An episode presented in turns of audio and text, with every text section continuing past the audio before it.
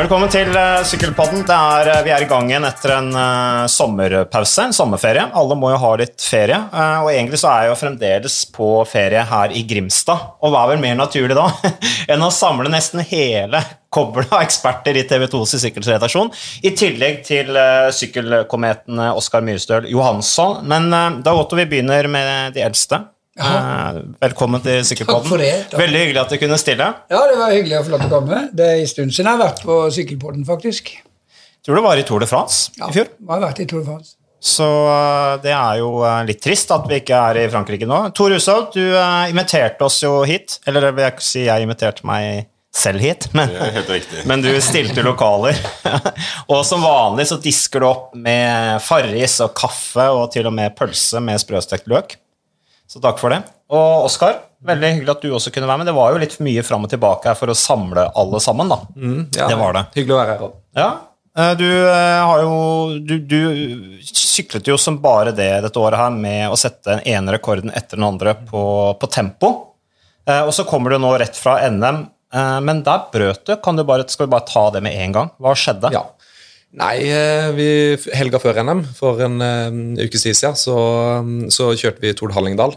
Uh, eller Tour, til fjell, som det heter nå. Uh, rett i forkant så begynte jeg å få litt magetrøbbel, men det slo ikke helt, helt til, så jeg starta der oppe også og trodde at jeg var i, var i bra shape. det var jeg tydeligvis ikke.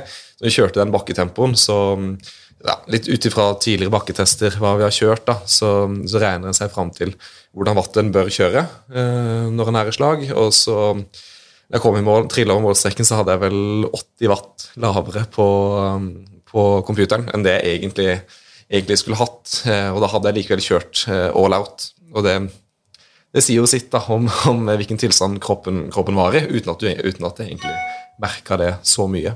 Mm. Um, så jeg var, eh, nei, jeg var skikkelig dårlig de neste fem dagene, egentlig. Um, så kom jeg meg ble frisk egentlig i midten av, midten av forrige uke. Tre-fire dager før NM. Uh, eh, og, og, ville jo egentlig starte og se hvordan det gikk når jeg først var frisk.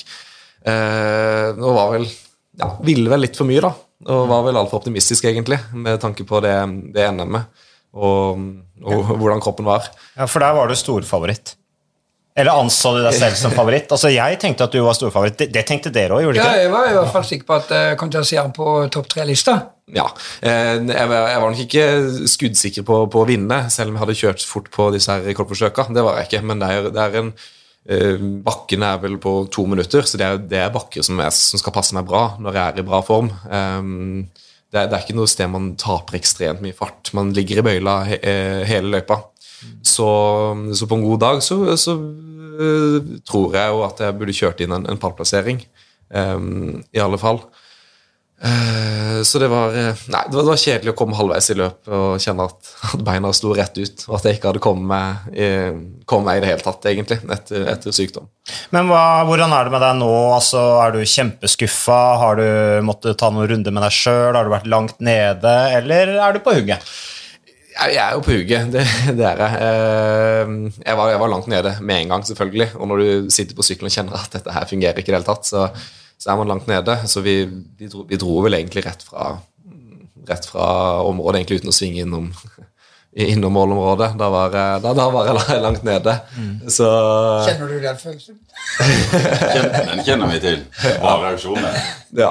Nei, så, men, men, så kommer en seg, det er jo det er viktigere ting som kommer. og viktigere ting å, å forberede seg på. Uh, selvfølgelig. Så nei, jeg hadde en eh, fire timer i går og, og, fire timer i dag, så jeg er ikke så langt nede. Nei, altså Jeg overrasker ikke meg at du sier at du er på hugget, selvfølgelig, når du nei. sitter her på en podkast som skal ut, uh, men det er jo en naturlig reaksjon at man er skuffa etter å ha måttet bryte et NM hvor du var ganske sikker på at du skulle få medalje. Ja, og jeg hadde jo jeg hadde også mellomtider som, som, heller ikke var sånn, som ikke var helt gale. Eh, så det, er jo, det, er jo, det blir jo litt eh, Nesten litt flaut å gi seg når en ser at eh, siste mellomtiden før en gir seg, så er en bare tre sekunder bak. Men, mm. men da har en kjørt alt en kan da, fram til det punktet. Um, og de siste ti kilometerne før det punktet, så, så, så, ga, så, gir man virkelig alt.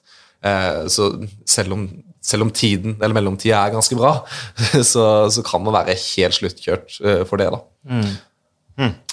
Men i hvert fall, du satte rekorder. Eh, Du har, du har norgesrekorden. Den står jo. Så den er på 30 km, så har du kjørt på syklet på 36,15. Det er en forbedring fra 38,55 satt i 1990 av Steffen Kjærgaard, altså en forbedring på 2 minutter og 40 sekunder. Og så satte du da rekord på 20 km, på 23,58. Den eh, tidligere rekorden var av Leonard Snokes, som jo er eh, en av direktørene i eh, Unex. Du kommer sikkert til å ha en del med han å gjøre, i og med at du har signert en avtale med Dare Development Team. Um, Snokes, som i sin tid slo rekorden din, Tor, eh, på 20 km. var du klar over det? Eh, Jeg hadde, jeg hadde ikke tatt den på en quiz. Nei. Så rekorden kommer tilbake til Grimstad. Ja, det er bra.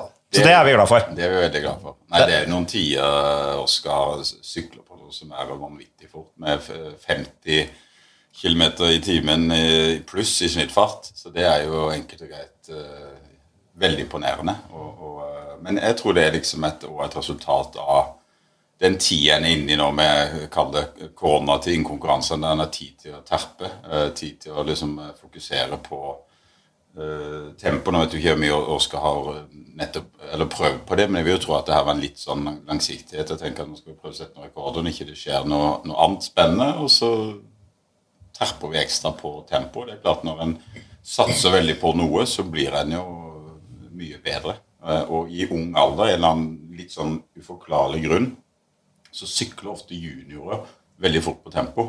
En ser det at en ser jo, tar snittfarter, da, så er det ikke sånn at de er ikke så langt unna eh, seniorene.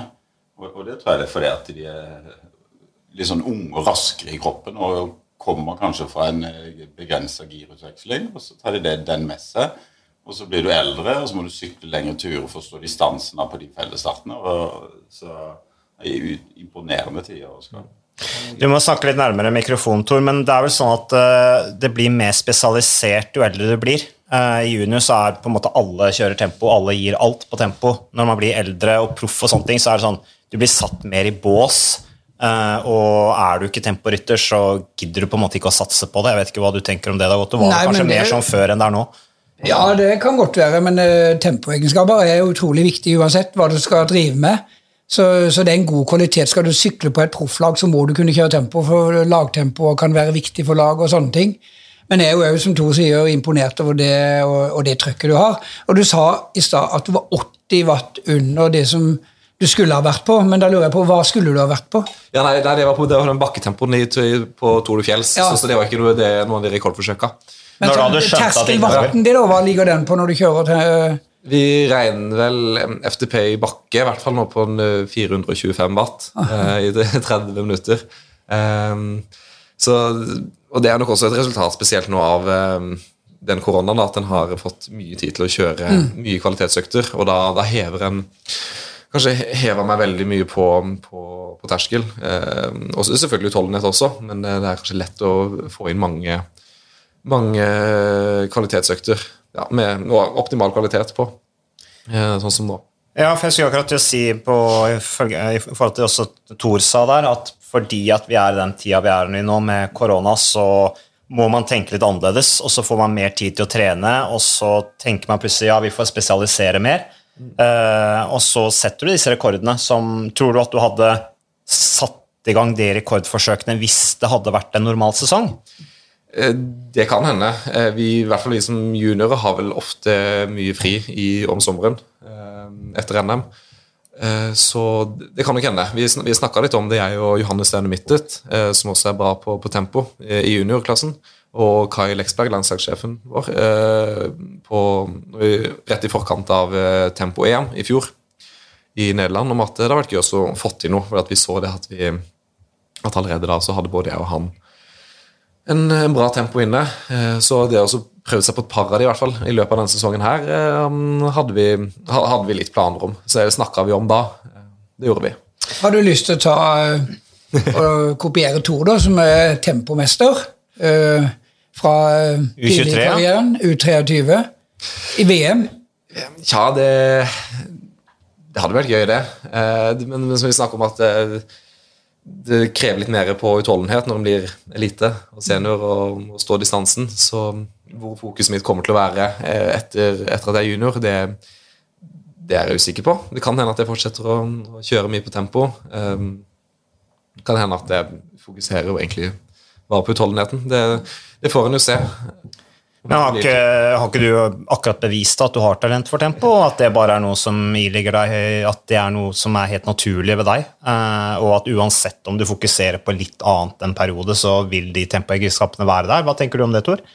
Jo, absolutt. Og, og eh, den, den unge alderen, så er det litt sånn at uh, en veien blir til mens man sykler, holdt jeg på å si mens man går. Og, og jeg tror det er liksom uh, greia som Oskar må holde fokus på. Bare sette seg de måla han gjør, og, og, prøve på tempo hvis det går. Men uh, så må han jo være med på uh, fellesstart og, og, og, de tinga. Liksom da, så tror jeg liksom kroppen sjøl finner ut av hvilken retning en tar.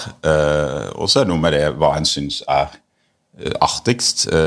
tempoet er litt, litt mer sært. Uh, det er mer sånn terping på en annen måte enn f.eks. fellesstart og spurte og litt sånne ting. da. Eh, jeg, jeg gjorde meg sjøl opp en mening eh, tilbake i 2003-2004. Det var liksom ikke mål, liksom hvilken type syklist, syklist jeg ønska å være, og hvordan jeg trodde jeg kom til å vinne flest mulig sykkelløp. Og da mente jeg det at det var ved å spurte, da. Eh, selv om jeg i etterkant klarte å vinne noen prologer og litt sånn. og men da må du liksom bytte litt fokus og sånn. Men jeg tror at Oskar kan bare være tålmodig, og så skjønner han etter hvert sjøl hva som blir hans styrke. Ja, for jeg bare tenker, eh, Tore, i forhold til U23-VM-et ditt i Falkenburg i 1998, eh, så vant du jo også Paris-Roubais. U23, altså du, du, du, du, vant jo det som var ja, av store U23-ritt i Frankrike på den tida der. Eh, men så hadde du en liten periode hvor du fokuserte litt ekstra på temposykling, så vidt jeg husker. Du var ute og trente deg sjøl, liksom. Kjørte temporitt hvor du simulerte temporitt i hodet ditt. Og, ja, stemmer, ja. Uh, og du hadde den der Lux-sykkelen til forbundet etter VM i Oslo i 1993. og Du hadde ok utstyr og sånne ting. Og så klinte du til og vant VM i Falkenburg. Uh, og det blir jo litt sånn Du skal jo også kjøre masse landeveissykkelritt. Og jeg tenker, ligner ikke Dag Otto, ligner ikke Thor og Oskar litt på hverandre? Jo, men Bukser det... begge to? Det er jo litt sånn Sånn er det i Belgia òg. Altså, de leter etter hvem som ligner på Eddie Merck. Så i Norge så er det hvem er det som ligner på Thor. Han kommer fra Grimstad, så har du jo nesten samme kvalitetene. Men jeg er sikker på at du har jo lyst til å være deg sjøl og, og, bevise at du kan.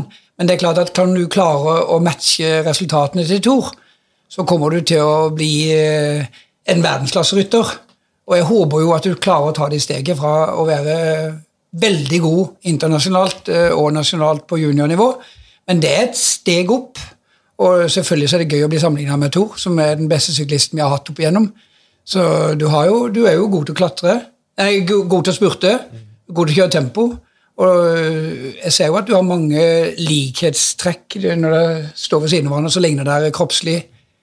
Selvfølgelig litt tung til å være på de aller største fjell, men ellers så tror jeg nok du kan matche Tor på det meste.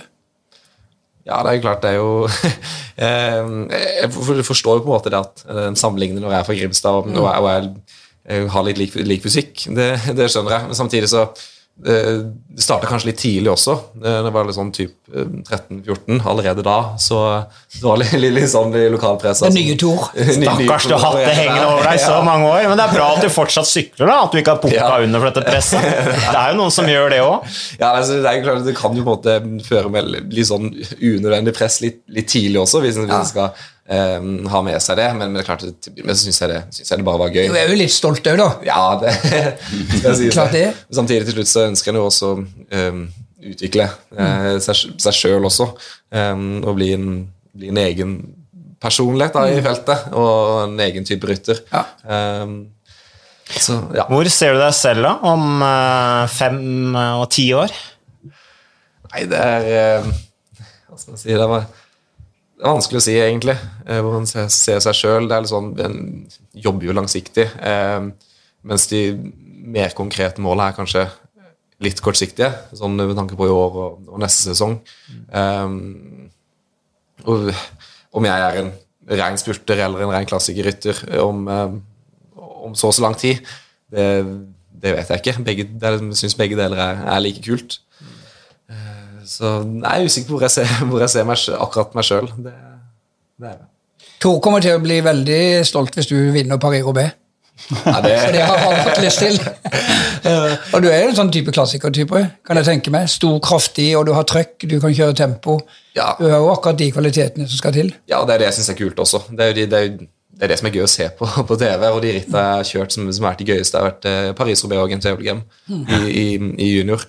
Så det var vel Jeg hadde vel to, to ordentlige mål foran denne sesongen her. Det var, eh, var Paris-Roubaix eh, junior og eh, Tempo-VM. Eh, hadde jeg. Ja, du fullførte Paris-Roubais i fjor, ble nummer 54. Så har du vært igjennom og fått erfaringa, og det er jo ofte det man trenger. Ja, jeg hadde vel en, en trevelt også inni der, faktisk. Så ja. Det, det hadde vel håpet å kunne gjort det enda bedre det, det året. Eh, de, var, de var vel i en klasse for seg sjøl, de, de aller fremste, men eh, eh, jeg, jeg merka i fjor at, at jeg følte at jeg hadde noe der å gjøre, i hvert fall som andreårs junior. Ja. Du var jo førsteårs i fjor, så det er klart da har du den fordelen. Men videre tilbake til dette her Vi er jo en tabloid TV-kanal, så vi digger jo det der og neste oksen og media er jo sånn. Sånn blir det jo bare. Eh, men, eh, men jeg syns jo da hadde Jeg synes jo min, min målsetting på, på din veien da, er at du også skal ha en sånn sykkel inni der monteret som står i Grimstad sentrum om, eh, om 20 år. da. At det også står en sykkel fra Oskar Myrstad Johansson der. Så, så det, det er i hvert fall min ambisjon da, på dine vegne. Så det hadde vært moro. Men Oskar, du skal jo du skal jo kjøre i Dare Development Team eh, neste år, og det var jo som vi tek jeg teksta til deg, at liksom, ok, det var synd med, med NM på tempo, uh, men du har jo tross alt sikra deg for de neste par årene i hvert fall, da, i det som sannsynligvis er det, det er jo det beste opplegget du kan ha uh, for en norsk sykkelrytter uh, ved å være hjemme på et lag i Norge nå. Det er jo også ganske sånn direkte, Du kan jo ha direkte opprykk opp til Uno X. De kan jo faktisk bruke rytter fra eh, utviklingslaget sitt også underveis i sesongen. eh, at det er innafor reglene. Men eh, hva, hvis du ikke hadde hatt et tilbud derfra, hadde du, hva hadde du gjort da? Um, nei, jeg hadde jo Jeg hadde vel antakeligvis bytta uh, klubb ved, over, um, over nyttår. Ja, For nå er du i Grimstad. Ja, nå er jeg i Grimstad, så der er det ikke noe, noe tilbud eh, på seniornivå. Så hadde det vært å finne en, en tryggest mulig klubb med, med, ja, med bra utvikling, utviklingsmiljø. Eh, solide kompetanser i, i klubbmiljøet også. Og I hvert fall når en går ut til NTG, så eh, om, om et år så, så må en jo ha et miljø rundt seg. Og trenere. Eh, ulike personer med bra kompetanse for at en skal kunne klare å, å fortsette å utvikle seg. Men samtidig så det, er, eh, det vil jo være vanskeligere. Altså Hvis man jobber hardt nok og hvis, hvis man jobber hardt nok for det, så vil en jo nå, nå nivået uansett. Men jeg er veldig glad for hvordan det har blitt. da, At jeg har muligheten til å, til å ta det steget til kontinentalnivå med en gang etter, etter eh, juniorklassen. Det, det er jeg. Det, det gir en stor eh, trygghet. Um, Motivasjon òg? ja, motivasjon også, selvfølgelig, til, til å jobbe videre. At det, er, at det er mange som ser de kvalitetene, da, og at um, og, ser, og eh, tror på at det er et potensial, og at det er noe um, å, å jobbe med. Hva, hva med utlandet? Altså, hvis, ikke had, hvis ikke du hadde hatt Development Deal Det var jo i utgangspunktet klatrelag, så de går jo helt bort fra den filosofien nå når de signerer deg. Altså, all respekt, men du er jo ikke noen klatrer, Nei, nei. så alle skjønner at den, den delen av det laget er noe borte. Eh, nå er det utviklings, uansett hvilke måte, ferdigheter eller spisskompetanse du har. Eh, men hvis du ikke hadde hatt noe tilbud fra de, Jeg regner med at du hadde fått et tilbud fra Coop, sannsynligvis. Du hadde sannsynligvis fått et eh, tilbud fra, fra Joker, og det er jo uansett bra, men det er jo mye lettere å være ung i dag enn det var på vår tid. Det har gått Odor. Alt var mye tøffere før. Ja, jeg kan jo snakke fra gamle dager. Eh, Det var faktisk eh, gode lag den gangen òg. Da var det jo liksom Jeg var i Glåmdal, som var den gang eh, rent for å være et av de beste lagene. Vi hadde et støtteapparat som på det tidspunktet var veldig bra. Sten Johnsen var treneren og hadde godt eh, støtteapparat rundt der. Og så hadde du vel det der Star-kjøkkenlaget til Gunnar Høygilt, som var utgangspunktet i Birkeland eller rundt på Sørlandet her. Så, men det har jo vært en stor utvikling. Jeg bare ser på de syklene, Den sykkelen som jeg sykla på i Tour de France i 87, den veier jo mer enn min fulldempa terrengsykkel nå. Så du kan si på det tekniske det har vært stor utvikling. Og trening Jeg tror jo de trener, dere trener helt annerledes enn de vi fikk, selv om vi trodde vi trente bra når vi trente.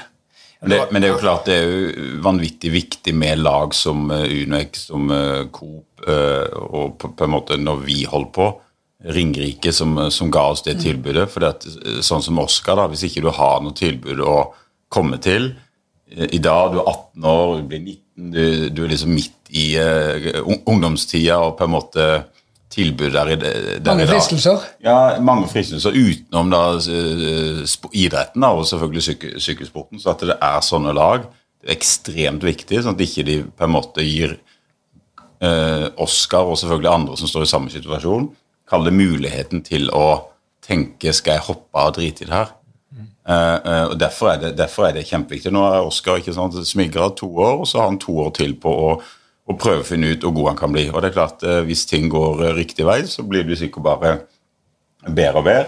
Men liksom få de store talentene til å hvert fall prøve så mye at en skjønner at ok, jeg kan nå så langt, kanskje ikke lenger. Eller ting bare går seg i gang og videre ut i verden. Ja. Sykkel er jo også en ganske vanskelig idrett sånn med tanke på, på utvikling og, og alder. Det finnes vel kanskje ikke noen noen annen idrett hvor eh, det er mulig å nå toppnivå eh, i så gammel alder da, som, som, det er i sykkel. Og, altså Man er jo Man tenker at det kanskje er uh, umulig, eller umulig for de fleste syklister å nå det øverste toppnivået før en er 25. Eh, det ser en kanskje ikke i noen særlig andre idretter. Så det er sånn Det er jo eh, Mange utvikler seg jo seint, men kan bli eh, toppryttere likevel. Men så kan man jo falle fra likevel hvis man ikke har det Eh, tilbudet eller det, det, miljøet eller laget som, som trengs tidlig. Også, så det er derfor veldig, ja, jeg synes det er bra at det er kommet et, eh, et norsk lag som plukker opp unge ryttere eh, tidlig, og, og, gjør det frafallet da, av, eh, av ryttere med potensial ganske, ganske mye mindre. Vi har jo fått en ganske flott modell. Det har for vært utvikla lenge, men jeg opplever jo nå at det er veldig sånn tett samarbeid mellom topplagene eh, i Norge og NTG også. Uh, og dette her at man får med seg på en måte helheten i forhold til personlig utvikling ved å også gjøre unna skolen. Uh, som jo er viktig. Det er litt sånn forskjell på den tida de da, Otto. Ja. For det var liksom sånn, Du måtte reise ut i utlandet og via amatør. Du var jo også i ACBB i Paris, ja, ja. ikke sant? Uh, hvor jeg også var. Tor, Tor, var en av de første som liksom hoppa over det trinnet. Mm. Tor gikk jo rett fra norsk klubb til proff. Og det var jo litt sånn wow, liksom, fordi at vanlig i skolen var jo å gå via utenlandske amatørlag. Og den føler jeg nå er det liksom Det er ikke sånn man gjør lenger. At liksom, ja, jeg drømmer om å bli en del av et italienske amatørlag eller et fransk amatørlag. Det, det snakker vel ikke kidsa i Sykkel-Norge om lenger nå? Nei, eh, det, men det handler jo om at det er eh, mange solide norske klubber som konkurrerer eh, på det samme nivået som disse er som utenlandske klubblag. Det, handler, mye om det også at det, det, er ganske mye bredere miljø nå, kanskje, på klubbnivå enn det det var før. Eh, så akkurat det å ta steget til en klubb i utlandet er nok ikke like aktuelt som det det, det, det var. nei. Mulighetene for å bli proff er jo lettere for de. For at, eh, Var du nordmann før, selvfølgelig så har det vært noen proffer. og du har vært, Men jeg tenkte på før Tors tid, med Atle Kvålsås og sånn. Da var nåløyet veldig trangt. Nå kan du jo være med på internasjonale løp via et norsk lag, så er det jo perfekt. Så det er klart at mange vil se det som rytter men du hører på et norsk lag istedenfor å reise til Italia og kanskje ikke trives og være alene nede på en hybel der nede. Så dette er jo eh, en fantastisk mulighet. Og så tror jeg en annen ting. Det er det at eh, når du er ung, så er det jo noen som har uh, talent for idrett. I Norge så er det lett at de aller største otosnopperne da blir langrenn eller skiskyting. De der sportene som er store i Norge. Jeg tror mange av de nå òg har begynt å velge sykkel, for sykkel er blitt mer allmenn kjent som en flott idrett i Norge. Ja, så det er ut, Utviklinga av sykkelsporten i Norge en, en, Vi har tre, eller nå er det to store sykkelritt. Det, det har vært tre, så Arctic Race of Norway, Tour of Norway to the Fjords. Så klart, De beste norske lagene de har fått lov til å sykle der, og da møter de alt fra fem til ti World Tour-lag. og Det er klart, da er du, det er et fantastisk utstillingsvindu. Du går på TV? Ja, gå på, ja. gå på TV, gå på fjernsyn og alt. Mm. Tenk på det, liksom. ja. og, så, og, så, har han jo hatt uh, på det meste fem-seks, for kanskje til og med syv uh, lag, altså kontinentallag, i Norge. Uh, på det meste, så klart da får en snappa opp de fleste unge syklistene. Ja, De som har litt interesse. og Den gangen jeg sykla, så var det altså 20 sekunder på en sekstimers etappe i Tour de France. 20 sekunder på spurten. Du visste jo ikke hva som hadde skjedd underveis. Nå ser du jo på TV 2 så viser vi jo fra start til mål i eh, lange Tour de France-etapper. Noen syns det er kjedelig, men de kan gå frem og tilbake, og jeg tror det har vekka interessen for sykkel. Det er det ikke tvil om. Hvordan ble du interessert i sykler, Oskar? Eh, Jeg har jo en bror som sykla, eh, som ble revet med av jeg vet ikke, det var Fridtjof Røynås og, og du, Tor, som, som motiverte til å, til å begynne. Eh, Så jeg har vært med mye på sykkelritt før jeg begynte å sykle, sykle selv. I Sverige og, og Danmark og rundt om i Norge. Så, så ja, det kom ganske tidlig. Men jeg, men jeg begynte vel egentlig ikke å sykle ordentlig før eh, Før broren min eh, la opp for en, eh, åtte år siden, vel, tenker jeg. Så jeg har vel sykla si aktivt da, i, i, i åtte år. Så, selv om det var mer lek og moro når jeg begynte, selvfølgelig. Eh, Så nei, jeg startet med å konkurrere. Første ritt hvor jeg skjønte at dette her er jeg god til, var vel Roserittet, tenker jeg, for syv år siden. Hvor eh, om, ikke jeg, om ikke jeg vant, så hadde jeg vel en noe andre- og tredjeplass, eh, uten å ha trent så, så veldig mye. Og skjønte at dette her er jeg dette her er jeg god til. Dette. Så det, det det, syns jeg, jeg var gøy da. Eh, og så, så var det mange som mente at altså Jeg var veldig stor for alderen. Um, og fikk jo høre det at um, At den bare er en barnestjerne, og at den kommer til å uh, fade vekk da eh, ganske raskt. Eh, Når, når, liksom når, um, når, når vi blir fysisk like store og fysisk mer eh, likt utvikla. Det høres ut som det har vært knallhardt. Oskar. Du kommer til å bli borte med årene. Eh, det det- Men, men det, det var nesten sånn, sånn jeg fikk høre. ja. Men, men, men det er jo helt Sånn var det litt med Tore. Ja, Ja. sånn var vi med, og det, og det er det som er litt sånn, eh, litt sånn typisk og lett å si. Eh, Jeg fikk jo høre at hvis jeg går ned 10 kilo, så kan jeg begynne å sykle fort uh, i ung alder, når du er 16-17 år gammel. det. Det er ganske, ganske brutalt å høre. og, og, og, og sånn var det som Oskar. Jeg var tidlig utvikla, stor i forhold til konkurrentene. Fikk hele tida høre når, når, jeg vant. jeg bare, om- litt som blir du. jeg bare vent, så blir du tatt igjen. Ja. Det, er ganske, det er ganske slag på trynet, så du må liksom tørre og tøffe og, eller stå i det. da. Så det, det, var, det var vel da jeg egentlig begynte å trene ordentlig. Jeg, da jeg var ja, 13-14 og skjønte at det, jeg kan jo ikke, disse her kan jo ikke få lov til å få rett i det, i det, i det de sier. Eh, Her må jeg liksom bevise at, eh, at, at det vil jeg ikke la, la skje. da. Så da, da begynte jeg å, å, å trene ordentlig, og når, eh, når de fleste begynte å, å ta meg igjen da, på fysisk utvikling, så, så, så klarte jeg å holde nivået, selvfølgelig. Eh, avstanden ble kanskje litt mindre etter hvert, selvfølgelig, når de også eh, blir mer fysisk utvikla. Men jeg klarte likevel også å holde nivået. Mm. Så det, det var gøy. Og nå, nå er vi jo på en måte alle vi nå, er vi, nå er vi 18, og de fleste er ganske lik, likt utvikla, og vi konkurrerer vel på eh, ganske like vilkår sånn sett. Det er ekstremt mange likheter mellom deg og Thor, sånn rent sykkelmessig, da, i forhold til hvis du ser fra tilbake i gutteklassene. Thor vant omtrent alt. Jeg tror det var ett ungdomsmesterskap du ikke vant, ja, det var når du var 16. Så det kan jo ha vært litt sånn trøkk for deg. liksom, Oi, nå er jeg mitt siste år som gutterytter, og så vinner jeg ikke det der ungdomsmesterskapet. Eh, Men dere vant veldig mye, eh, og du har gått veien via NTG, Tor. Eh, Vi gikk jo sammen på NTG, du har gått på NTG. NTG ble jo starta når vi begynte på videregående, det var jo egentlig Guds lykke for oss. Eh, I hvert fall for meg. Du var nok såpass fornuftig at du hadde fortsatt å gå på videregående skole, men jeg var såpass skrudd i huet at jeg hadde nok sannsynligvis reist til Frankrike. men men, eh, eh, en ting, Oskar. det er i hvert fall gøy at utviklinga at du er, kjempe, og du er kjempemotivert. Men jeg tenker på ungdommen, altså de unge rytterne i dag. Vi ser ryttere som, som Evnepol. Vi ser Egan Bernal, som er den yngste vinneren av Tour de France på 100 år. Eh, Vi ser Rodrige, spanjolen som har signert til Ineos. Uh, jeg husker ikke navnet på alle. Du har uh, han Simmons som kjører i Trek Segafredo, hopper over U23-klassen rett inn i World Tour. Og nå leste jeg også om uh, denne unggutten, 17 år gamle Sian Uttebrooks.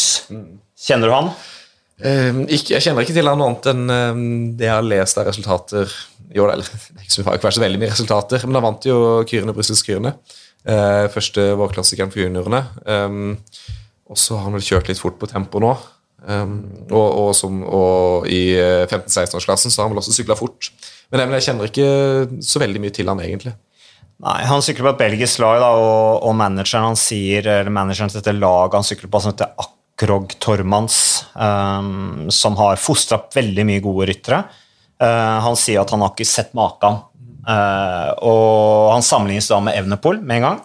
Uh, og Evnepol svarer da på sosiale medier når dette her blir spekulert. Ja, ja, vi får se når han vinner EM med ti minutter. Ja. Så kan man begynne å sammenligne, sier Evnepol. da. men er det sånn nå at dagens unge ryttere, din generasjon inkludert i Norge, tenker at liksom, ja, vi skal rett opp i World Tour. Vi, skal, vi, vi sikter høyt fra første tråkk. Eh, I gamle dager så var det sånn at du skulle gå skolen via amatør, så proff, skulle du gå skolen som proff, og så skulle du utvikle deg over tid. Men har det endra seg, men, tror du? Eh, det er nok ganske individuelt, tror jeg. Eh, noen, mange tenker sånn, og de som er virkelig gode, og som tenker sånn, får kanskje en kontrakt med World. Eh, du har jo altså, Queen Simmons som, som, går ut og sier at han, eh, han, sykler ikke for, han sykler for å vinne. Han sykler for å vinne World Tour Ritt. Eh, og så sier han at han, han vil gå til Trek Fredo med en gang. fordi han vil, Hvis han skal bli verdens beste, så må han lære av de eh, så må han lære av de som er verdens beste nå, allerede nå. Eh, så, men så er det ikke nødvendigvis sånn at det, det er det beste for, for utviklinga. Man kan jo Uh, man kan jo fort gå på en smell, men man må jo egentlig bare ta en vurdering på det sjøl, om man er fysisk klar for det, uh, dersom man får tilbudet. Hva tenker dere om det, gamle karer? Uh, bør man liksom tenke rett til topps på øverste nivå med en gang, eller bør man tenke at man skal være litt tålmodig? Det er greit å ha høye ambisjoner, men jeg tror jo, som To sa helt i starten, at du må jo liksom se etter hvert Veien blir jo til mens du sykler. Mm. Uh, og du har allerede hatt uh, fantastisk eh, stigning i karrieren og nå knuser norgesrekorder og sånn, men du må ta noen steg til. Og uh, det er klart, hvis du fysisk og mentalt er klar for å reise om noen år og får muligheten, så ville jeg jo ha tatt sjansen. Jeg ville jo ikke ha holdt igjen, men du må føle at du er klar, og det tror jeg du finner ut etter hvert. som hva tenker du, Tor, om det? Du, ja. du venta jo. Du kunne blitt proff i 99, men du venta. Du, du ble, fortsatt å være amatør i Ringerike sykkelklubb sammen med meg, blant annet. Og så ble du proff i, i 2000, kjørte noe prøveproff i 99. Mm. Nei, jeg, jeg, følte meg jo ikke jeg, jeg, var nok fysisk klar, men jeg følte meg ikke helt uh, mentalt klar for å, å, ta det steget. Men der var det sånn, uh, for meg så var det eneste veien var å flytte ut, så det var liksom mange ting som var, det, gjorde det mer skremmende. Så var det språkbarriere og, og, og, de tinga der. Men hvis en, hvis en, ser på Egan Bernal og Evenepol som er liksom unike ryttere, så har de på en måte skapt en ny æra i, sykkel, i sykkelverdenen. Og, og, kanskje gitt uh, forhåpninger til veldig, veldig, mange unge syklister, men samtidig satt stort press på mange unge syklister som ser at en 19-åring kan gå bort og vinne en en klassiker som San Sebastian, førsteårsproff, uh, som er bare helt uh, unikt. Ja, det er helt vilt. Ja, som, som, er, som er, bare helt, helt vilt. Så det er klart, det er flere sider av det. Og så er, det, jo at laga på en måte tar tilbake 10 år eller 20 år på en måte når jeg, første året som når jeg var proff, så var det ikke et det var ikke et system til Det var ingen som tok hånd om de unge. Det var ingen som på en måte Eh, de hadde ikke budsjett til, at noen skulle passe på de unge, eller, eller gå ut der og scoute de liksom, og, og, få de inn i, rek, i, rekkene. Men det er, sånn at det er så mye budsjett på mange lag, og på de beste lagene, at de, de, tar, de prøver seg på noen, og så gir de dem et par år, og så har de de der uh, utstikka på en måte som klarer å, å, å slå igjennom. Så, så, men, men, men, det jeg syns blir spennende å se, det er jo de hvor gode kommer de til å bli over tid? Det er jo det spennende. For det at, eh, som Oskar sa tidligere her, at eh, eh, mista det. At, at, på en måte når en er så ung, og så trener en og pusher så hardt så Jeg lurer på liksom de, hvor lenge klarer de holde nivået så lenge? Mm. Det er jo en ting sånn som jeg og Philip Schubert har snakka en del om. da, for han også blir jo litt så, Vi blir litt sånn satt ut, for det er ikke noe fasitsvar på hvorfor de klarer å sykle så fort så unge. Så det er noe dere snakker om Eh, at liksom, ja, disse ungdommene som kommer opp her nå For det har hørt at andre har snakka om òg. Bl.a. dette at de unge i dag er så ekstremt seriøse. Eh, med tanke på alt det som nå kan måles hva gjelder fysiologi pga. wattmåleren. Den har revolusjonert egentlig eh, måten å følge opp trening Jeg vil ikke si at den har revolusjonert selve treninga, men den har revolusjonert måten å følge det opp på, og kanskje uh, gjort ting enda mer til fingerspissene da, fra ung alder. Hva tenker du om det som jo egentlig er en del av det miljøet? For det er jo veldig mye som kommer fra NTG. Eh, I forhold til dette å utdanne og skolere unge ryttere til å tenke som proffer fra de allerede er 17-18 år gamle.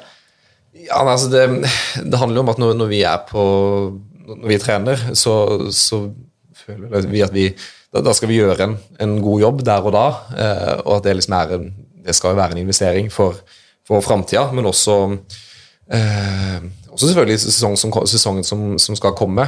Eh, og det du nevner med, med watt og, og puls og sånn, så vi ja, vi, vi kjører på watt, men samtidig så vet jo ikke jeg helt altså Jeg vet jo ikke hvordan dette her var for 10 og 20 år, og 20 år siden. Da, da sykla jo ikke jeg.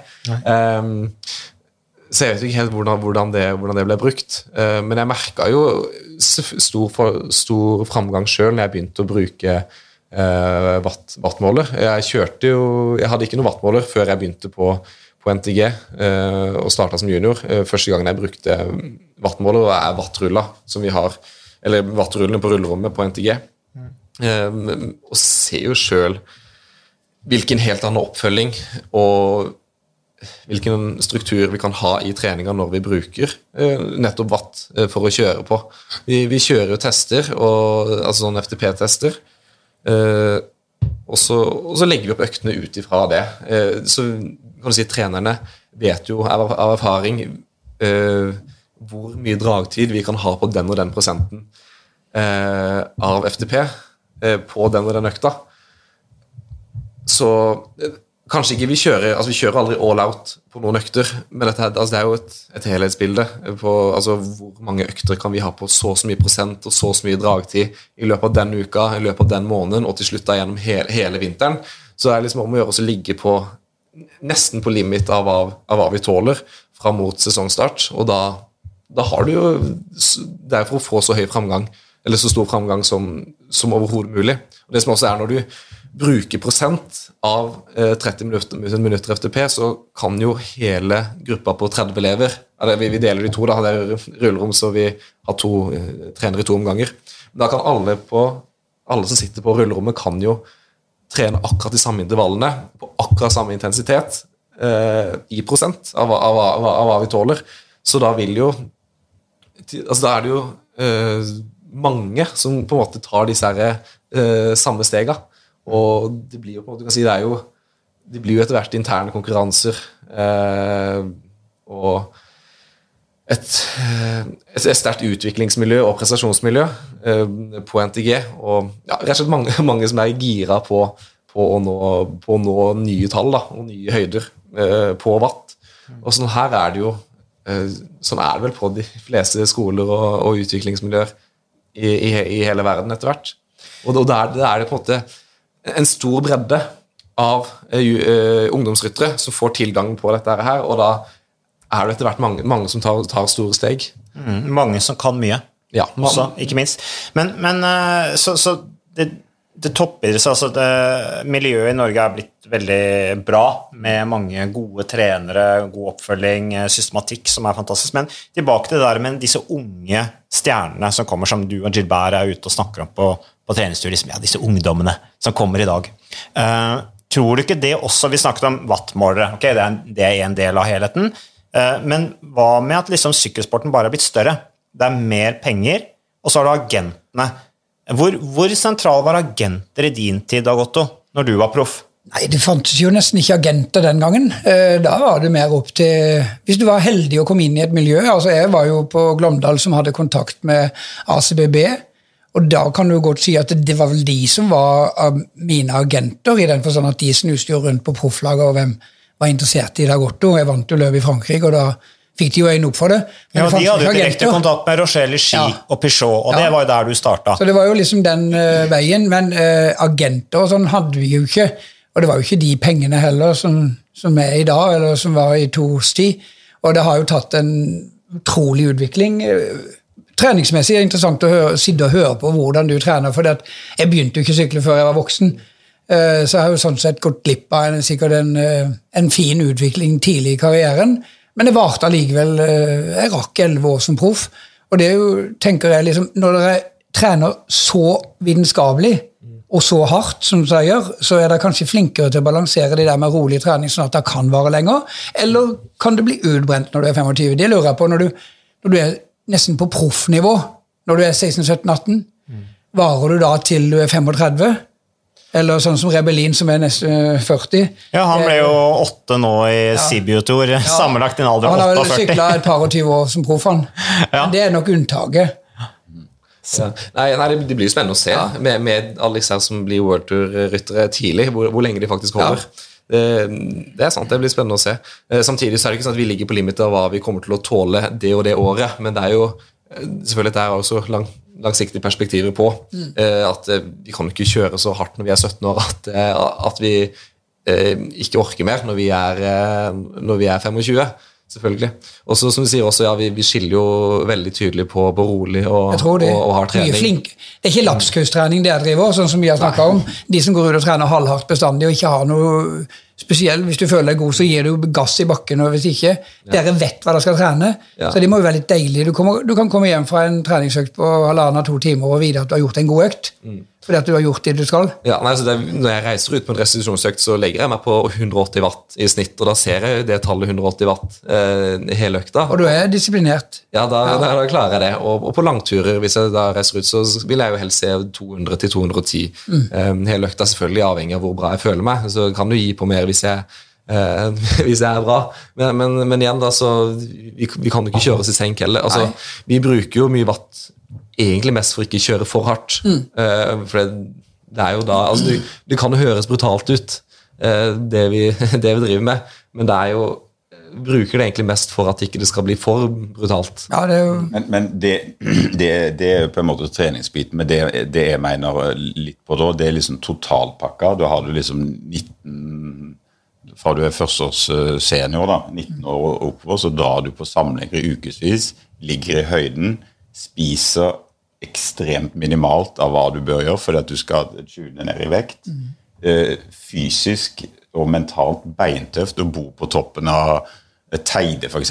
Nå har de fått internettet, da. Men, De har det, ja. men, men ikke sant, det, det, det er det eneste som er i, i livet, nærmest. Og, og i, i måned ut og år etter år. år etter år. Så det er jo det på en måte som blir, blir spennende å se. Så én ting er treninga, en annen ting er den mentale tøffheten på det. Og så er det, så er det kosthold. For det er ingen tvil om at eh, kosthold i Norge det er én ting, men når det er kosthold for utenlandske lag eh, og, og jeg vet hva teamet oss, og hvordan de kjører på det. Og, og det å gå på ny Ett år så er det det som er greia, et annet år så er det noe annet. Så det er klart, en, en pusher eh, utøverne veldig, og så pusher en da de unge utøverne på samme måte. Så det er det på en måte som er litt sånn spennende å se hvor lenge de på en måte klarer det. da. Og så En ung, ung rytter er jo uredd. Er 19 år gammel, det eneste du vil, er opp og fram. Mens en som er proff i fem eller ti år, liksom han har gått eh, av og til over den kanskje litt gamle skolen, som blir litt sånn vet med en annen erfaring. da, Men de unge de, de stoler jo blindt på da, ekspertisen. da. Men tilbake til, eh, til- tilbake til Japan. Nå er ikke han her, ikke sant, så han kan ikke uttale det, men, men du kjenner han godt, han er en god, venn av deg. Hvor mye har han utvikla sine treningsmetoder de siste ti årene? Har han på en måte har han, Eller kjører han sin greie? En, en eh, god blanding. En er jo alltid, en er alltid lysten til å, å, å si, lære. Men nå har heller ikke han vært på noen av de lagene som er eh, sånn veldig dedikere, Alle er dedikerte, men sånn veldig opptatt av eh, på det detaljnivået, da, som Ineos her og Jumbo Visma. eh, Quickstep, som han eh, var på kanskje nå når han eh, fikk den gode perioden.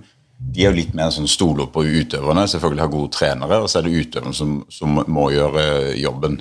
Eh, så, så det er litt sånn, det er forskjellige eh, måter å følge opp utøverne på. Det går selvfølgelig mye på budsjett og hvor en ønsker Quickstep de bruker alt, nesten alt av sitt budsjett på å lønne rytterne, mens det er en annen fordeling blant andre lag. på en måte de lønner, I Neos lønner jo selvfølgelig rytterne mest alle, men de har, jo, de har jo mer penger da til utvikling og får tak i det beste ekspertisen på alle felter.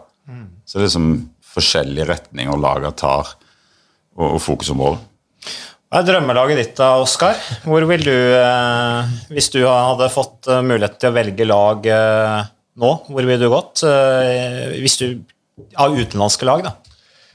Um, nei, jeg har ikke tenkt så mye på det, men siden du spør, så eh, ville nok vært uh, Ducunning Quickstep, kanskje. Eh, siden de eh, har vel en, en veldig klassikerprofil på, eh, ja, på laget. Og, og kjører jo eh, på en måte hvor, hvor de får vist fram alle rytterne. Og det, eh, som du sier, at de bruker mye Eller kanskje ikke bruker så mye penger på, på disse her detaljene eh, og på, på utvikling, men, men de rytterne som er der, utvikles jo likevel. Så det er jo ikke nødvendigvis sånn at, eh, at det er alltid er pengene eh, som brukes på utvikling, som, eh, som, har alt, som har alt å si. En ser jo det at de tar inn mye unge ryttere, eh, utvikler de, og så, og så forsvinner de til, til kanskje enda større lag, da, eh, økonomisk sett, seinere.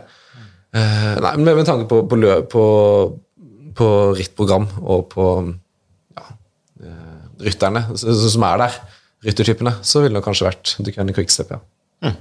Du får uh, si det neste gang du treffer disse gutta. At du har dem, og så må du bare ta den der eksamen på sånne agentgreier, og så signerer du ham, så får du 10% av lønna hans neste år. Perfekt. Det, Kjempekonsept. det kunne vært et bra konsept. Men, eh, Jeg skulle ha gjort det med to, vet du. Ja, ja, ja, men, men du, bare, jeg synes det er interessant å snakke om ikke sant, gamle dager. Altså, hva har endra seg? Nå har vi tre generasjoner syklister her til Ja. Uh, og, og du nevnte du var inne på ACBB. Det var via ACBB at du fikk proffkontrakt fordi at de har sitt nettverk. Og sånn var det, sant, Du måtte inn i de utenlandske amatørlagene som hadde sine nettverk, og så ble man proff gjennom de. De anbefalte deg videre. Uh, nå så er det agenter som uh, Og det tror jeg også er en av grunnene til at du har alle disse unge rytterne som signerer tidlig. Og at de har De er ute, scouter veldig, eller ser hva som er der ute. Eh, snakker folk eh, opp, eh, signerer avtale med enkeltrytterne, og så selger de gåseøynene videre til, til storlagene og, og gjør penger på det. Quintana gikk jo nettopp ut i media og sa at han syntes det var en skummel utvikling med agentene, som eh, blåste opp forventningene til veldig mange unge colombianere, sendte de på tøffe opphold til utlandet, i Europa og Italia, uten at de kunne språket. Han mente at noen hadde endt opp som nesten gangstere som solgte narkotika og sånn, fordi at det gikk ikke slik de hadde planlagt, og de, de ble desperate. Eh, Men det, har du agent, f.eks., Oskar?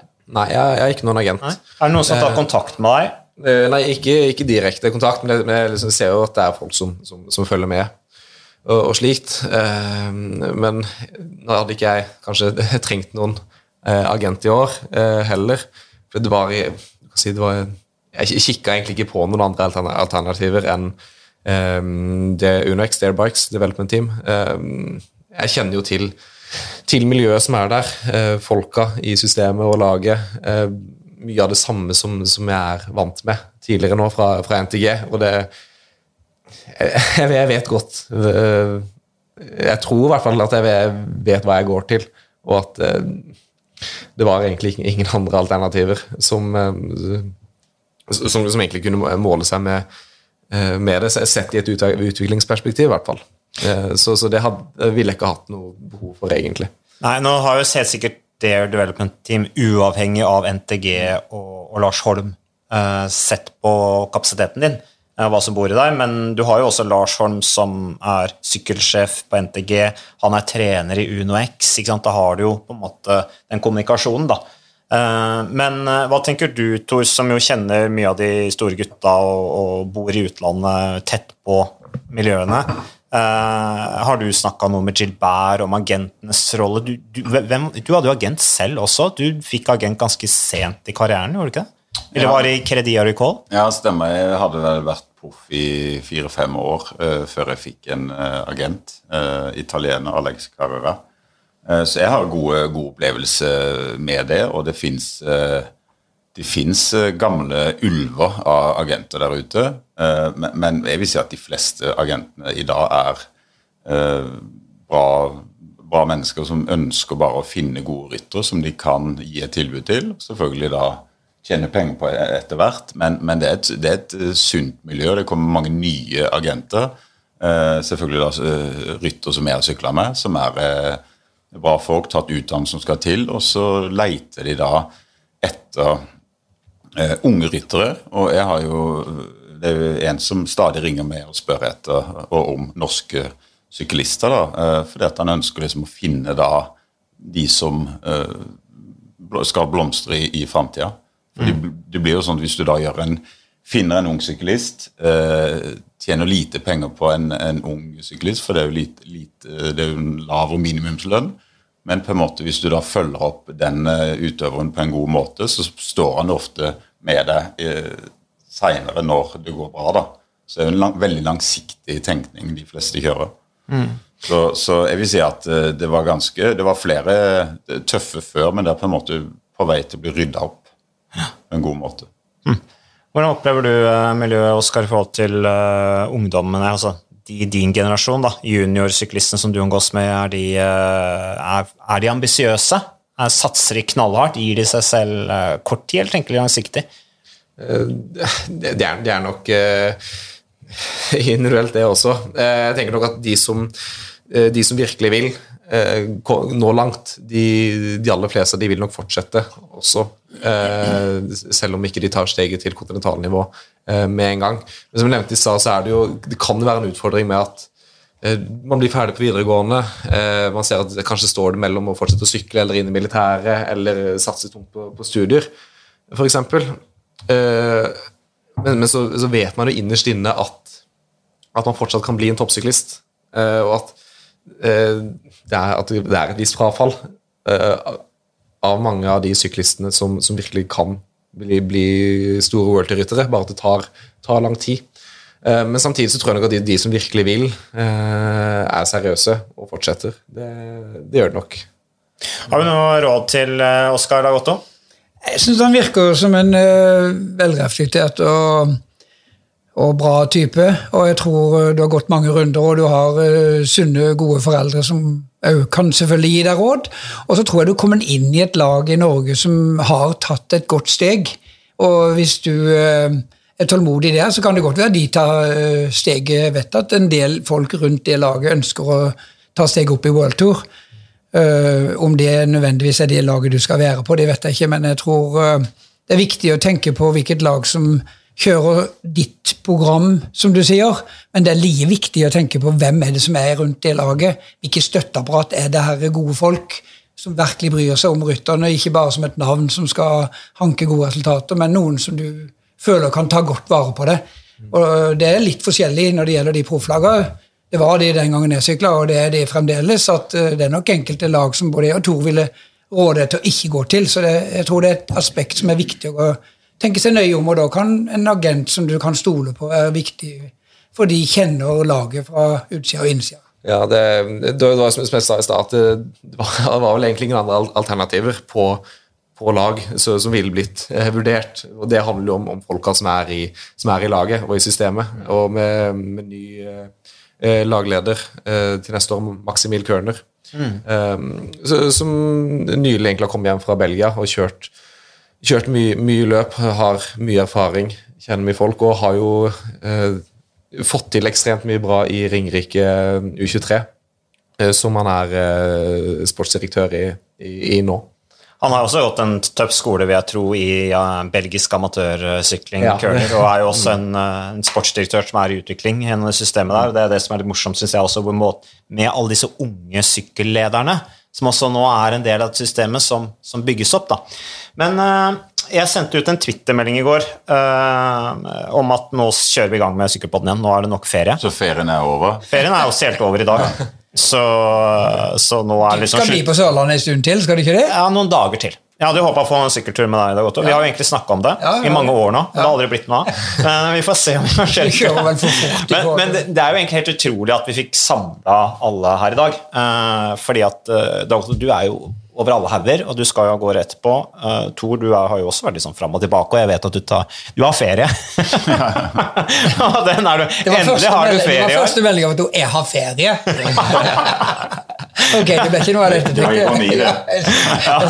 Men, eh, men eh, jeg, fikk en, jeg gikk ut på Twitter og spurte om det er noen som har noen spørsmål i panelet. Uh, og så får jeg fra Bjørn Sætre, tidligere generalsekretær i, i Sykkelforbundet. Eh, ivrig lytter av Sykkelpodden. Eh, han spør deg, Dag Otto, eh, eller, han spør dere to. eh, overtar Thor bilen til Dag Otto også under Tour de France, eller bare ekspertkommenteringen?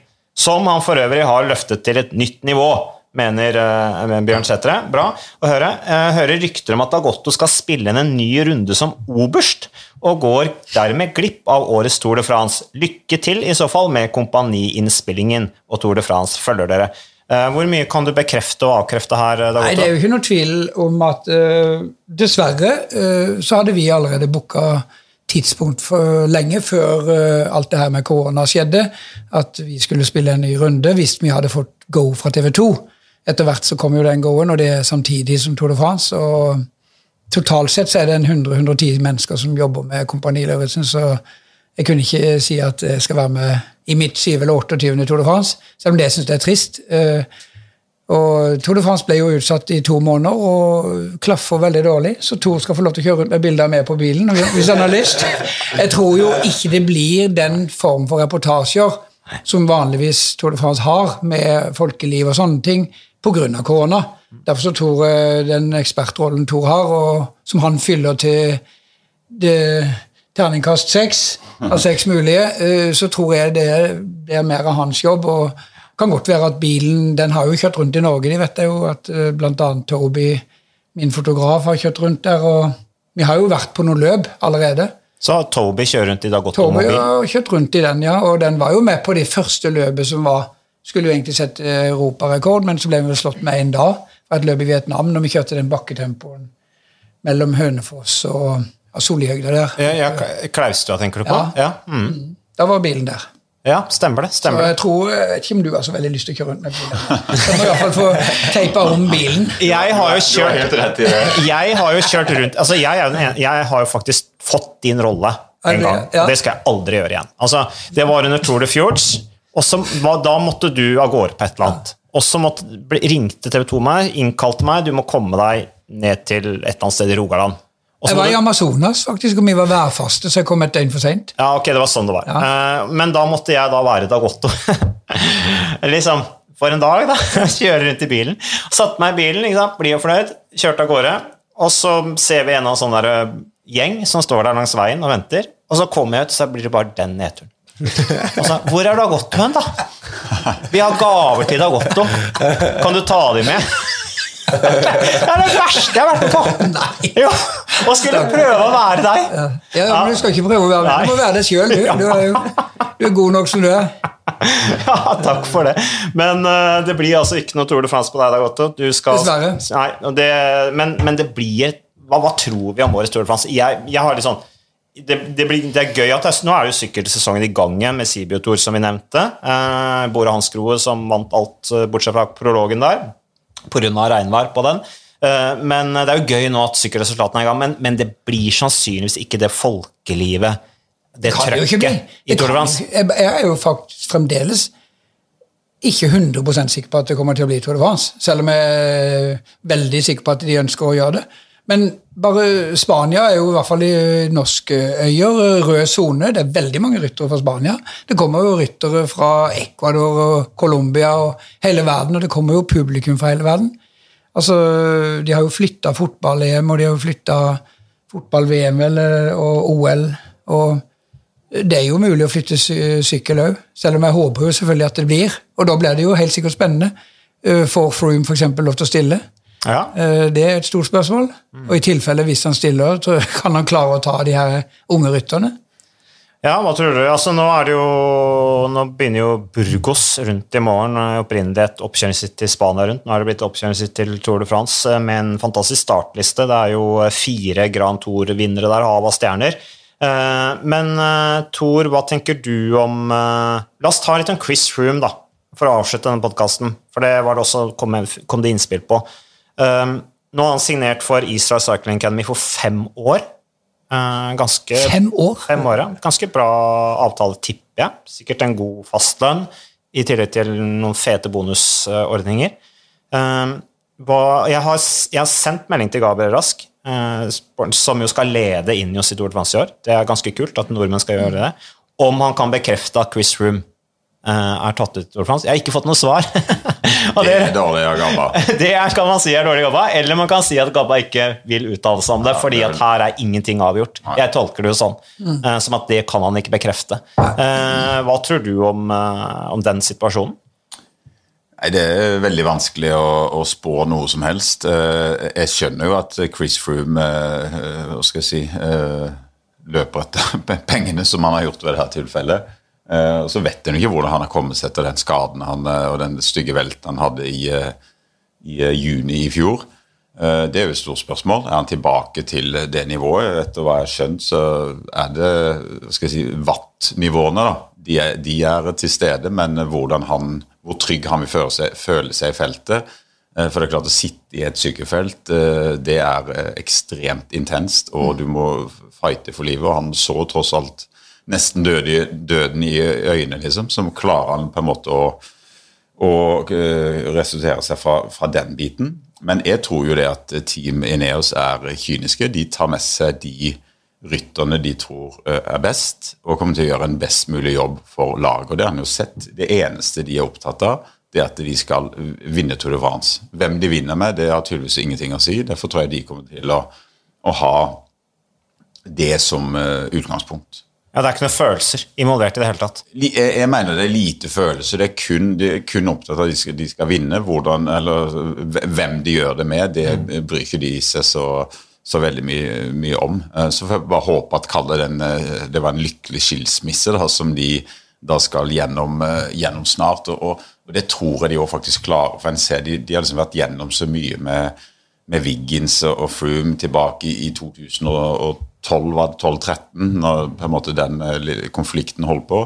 Så jeg, så jeg, tror, jeg tror at, eh, at eh, laget har såpass kontroll at de styrer de rytterne. For, for, det, for det er jo tross alt, de er jo arbeidsgiveren deres. De betaler lønna, så for, forteller de at det er din jobb, så må du prinsippet gjør den. Kjenner jeg Froome eh, Nå kjenner ikke jeg Froome, men jeg bare syns han fremstår utrolig sånn profesjonelt da, i media. Kona hans er noe annet, hun er en løs kanon. men eh, men eh, vi har jo sett det før, at, eller tilbake til Froome, at jeg tror han kommer til å liksom hele tida uttale seg rasjonelt, uansett hvilken beslutning som blir tatt, da, og virker veldig sånn korrekt i måten å snakke på. Men vi så jo det med Wiggins i 2014, når Tour de France starta Yorkshire. Da tok de ikke med seg Wiggins til Tour de France. Ennå Wiggins ville jo kjøre Tour de France det året der. Han ble forbanna når han ikke fikk sjansen til å vise seg hos hjemmepublikum i Yorkshire, som jo var en helt fantastisk Tour de France-start, med ekstremt mange millioner mennesker til stede. Så, så det er ikke Men, noen men, følelser. der, der, men husker, der var det en, en, en konflikt mellom to ryttere. Her, her er det egentlig ikke en konflikt mellom rytter, om det er Froome, eh, eh, Thomas eller Bernal. Det er på en måte Alle de tre har bare lyst til å vinne. Man så på Garen Thomas i fjor. Sto jo med tårer i øynene på starten på siste etappen fordi han syntes han hadde seieren i lomma, men det var en lagkamerat som tok han. Og han uttalte så veldig, veldig profesjonelt at uh, gøy med Team Eneos-seier, men det var han som ville ha den. Så, nå, så nå er det jo bare tre sultne ulver som kommer til å ha lyst til å få det til, og da tenker laget at ok, da, at, Jeg hadde ikke blitt sjokkert om de hadde sagt vi prøver alle tre. Men det kan bli disse barna òg, da. Men eh, det er som du sier, jeg tror jo eh, sir Brailsford Han har så kontroll på det laget at eh, de klarer å roe troppene. Ja, eller Gabriel Rask har så Ja, ja. kontroll på det laget. Han er nok en forlenga arm, ja. Ja. Men nei, det blir spennende å se, og jeg tror det kan bli et veldig spennende Tour de France. Mm. fordi at de er jo ikke de eneste. Vi har jo eh, laget til Amund med norsk Jumbo sponsor. Visma, ja. Med- Som absolutt har gode ryttere som kan hevde seg i eh, topp tre-sammenheng. De stiller jo med tre, de. Roglic, Demoulin og eh, godeste Kreuzweig. Der er jo usikkerheten Demoulin. Litt sånn lignende egentlig mm. Froome, syns jeg. For vi har ikke sett Demoulin konkurrere heller på år og dag. Pga. Diverse skader eh, fra i fjor. Og så har du Quintana som plutselig har blomstra. I et lite fransk Ja, lag. så så det, det kan bli spennende. Hva vet du om det Arkea Samsic-laget, Tor? For at det virker som de har noe nytt på gang, føler jeg. Ja, jeg, vet, jeg vet egentlig ikke så mye om hva planene er, og ja, de, de er helt enig. De har mye på gang, og de har vært flinke til å på en måte Litt sånn eh, lite typisk fransk, men samle laget og fått en sånn god dynamikk i, i laget som en ofte ikke ser i de her franske lagene. Så De er offensive. ja, de er offensive, de kjører bra. De her, det virker som om det er en god stemning innad i, eh, i gruppa. Ja, og de har henta ryttere som liksom folk har rista på hodet. Quintana liksom, han er ferdig. Eh, Bohanni, hvorfor, hva skal dere med han? Men så har de begynt å vinne. Eh, og Bohanni virker jo som er kjempetent. De snakker om liksom Milano Sanremo og sånne ting. At han kan vinne det. Så det blir spennende å se. Men bare for å avslutte her nå, bare for å snakke litt proffsykling, for det er ekstremt mye som skjer. Jeg, har egentlig hatt masse ting på, på tapetten som vi ikke får, får tatt opp i dag. Men fransk sykkelsportord, som jo du kan veldig godt, uh, RDSR, uh, er jo i ferd med å havne i identitetskrise fordi både Roman Bardet og Pierre Latour eh, de skal jo da til Sunweb og Total Direct Energy.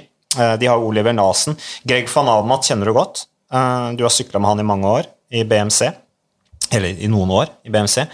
Eh, han spekuleres til at det er på vei til RDSR. Er det realistisk, eller? Hørte Israel Academy òg? Ja, Det var før, men nå er det RDSR. Mm. Ja, det, det er jo det som er eh, nå Det kommer til å skje mye i hva skal si, overgangsmarkedet i, i år. Det, en, det er mange lag som sliter. Det er mange som selvfølgelig har slitt økonomisk. Eh, En vet jo ikke om de enkelte lag kommer til å eksistere neste år. Og så er det jo selvfølgelig, og heldigvis nye store lag som har fått inn eh, penger da fra rike mennesker da, som har lyst til å investere i, i sykkelsporten. som er sånn, En, en ser det ofte Langsiktig så er ikke det de beste å ha der. eh, For plutselig så kan de finne på å, å gå ut av det og trekke seg, og da, da står en der. Eh, eh, Men, men det er jo ingen, ingen tvil om at uh, ta AG2 uh, AG2CR, så, så er jo uh, det et, De har satsa de, har- de har prøvd seg på Tour de France, og så klassikere. Så måtte Greg van Armer dra dit. Når de har mista Badet og, og, og Latour, det hadde ikke vært sjokkerende for, for min del. Ja, så er det Oliver Nasen der, som jo er en kjemperessurs. Ja, så de har lyst til å, de har lyst til å vinne klassikere, og, og for, for laget som sponsor så er jo det enormt viktig. Og da er jo Greg van at en, en spennende syklist. Men, det, men jeg tror det kommer til å skje mye på overgangsvinduet i, i år. Uh, så får jeg bare håpe at de lagene, Mitchell, Scott, CCC, at de på en måte får hodet over vann, får økonomien på plass, sånn at de lagene eksisterer i, i framtida, eller da få inn nye sponsorer, men at, at laga blir der, sånn at alle rytterne på en måte får, eh, og ikke minst støtteapparat, får eh, jobb i, i framtida, og at en, en har liksom en eh, 18-20 store, viktige World Tour-lag. Det, er, eh, det har alt å si for eh, sykkelsporten. Og det, det, det er jo interessant å se nå når det er liksom ganske utfordrende også, og som du sier, det er mye, mye overganger blant de allerede, etablerte proffene. Men midt oppi den utfordringen, eller midt oppi, midt oppi disse litt vanskelige tidene, så, eh, så har jo eh, de to juniorene, Juana Juso, som har signert eh, mangeårig kontrakt med UAE, og Marco Brenner hos, eh, hos Sunweb. Så det er, jo, det er jo overganger der også. Eller de, Ja, litt de tilbake til det vi snakka om tidligere med disse unggutta som signeres fra Ja. junioralderne. Så, så det, er, det er jo interessant også å, å se det også, eh, når, det er, når det er vanskelige tider, at, at det er flere og flere som tenker, tenker langsiktig også. Ja, og så er det jo, og så er det, jo det, det er helt riktig, Oskar. og så er det- Men så er det jo eh, Godt etablerte syklister koster veldig mye penger. Så kan det ligge risiko, risiko eh, blant de rytterne i form av at eh, klarer de å Sånn som Chris Froome, da, klarer han å komme tilbake signert fem og bruker så mye ressurser på én rytter? Da er det kanskje fornuftig å gå inn og tørre å gå på de litt yngre som kanskje eh, leverer resultater som en som vi snakka om litt tidligere i podkasten, fra allerede veldig ung alder. Så det, så det er kanskje marked- og prisnivå til de beste syklistene. Det kommer garantert til å falle. Sånn er det bare. Om Det har falt, Ja. garantert. Så det er en tøff runde de er gjennom. Kjipt for deg, Oskar. Du kommer bare til å tjene fem millioner istedenfor seks. Euro. Du, Hva med den her Foundation eh, som det har vært eh, snakk om i det? Skulle ta Michelin Ja. Scott, og så var det CCC. Altså, Kan du noe om det? Eh, ja, men eh, da, nå har vi holdt på i én time og Ja. ti minutter snart. Eh, og jeg veit at du skal til Oslo. Eh, Thor skal ut på suppbrettet sitt og padle. Uh, Oskar han skal hjem og legge beina høyt for å, å samle krefter til morgendagens treningsøkt. Og jeg skal hjem og spise middag med familien. Oi. til kona mi. Uh, men når det gjelder CCC og Manuel Foundation, så er du inne på noe der. Ja. Eh, og da syns jeg du skal ringe til din gamle Okovic, bekjente Jim ja. Okovic. Eh, For han er jo en desperat kamp nå for å sikre Mm, midlene med å holde dette CCC-laget, eller laget sitt, på flytende. Mm. Så det blir veldig spennende. Det er mye usikkerhet også, dette med Mitchen Scott osv., og, og ryttere som forlater det også. Så. Men jeg tror vi skal eh, avslutte med det. Takk for eh, at alle stilte. Det var gøy at vi kunne samles på slutten av sommeren. eh, Lykke til, Oskar. Grimstad. Ja. Stå på. Og takk for at du lyttet på.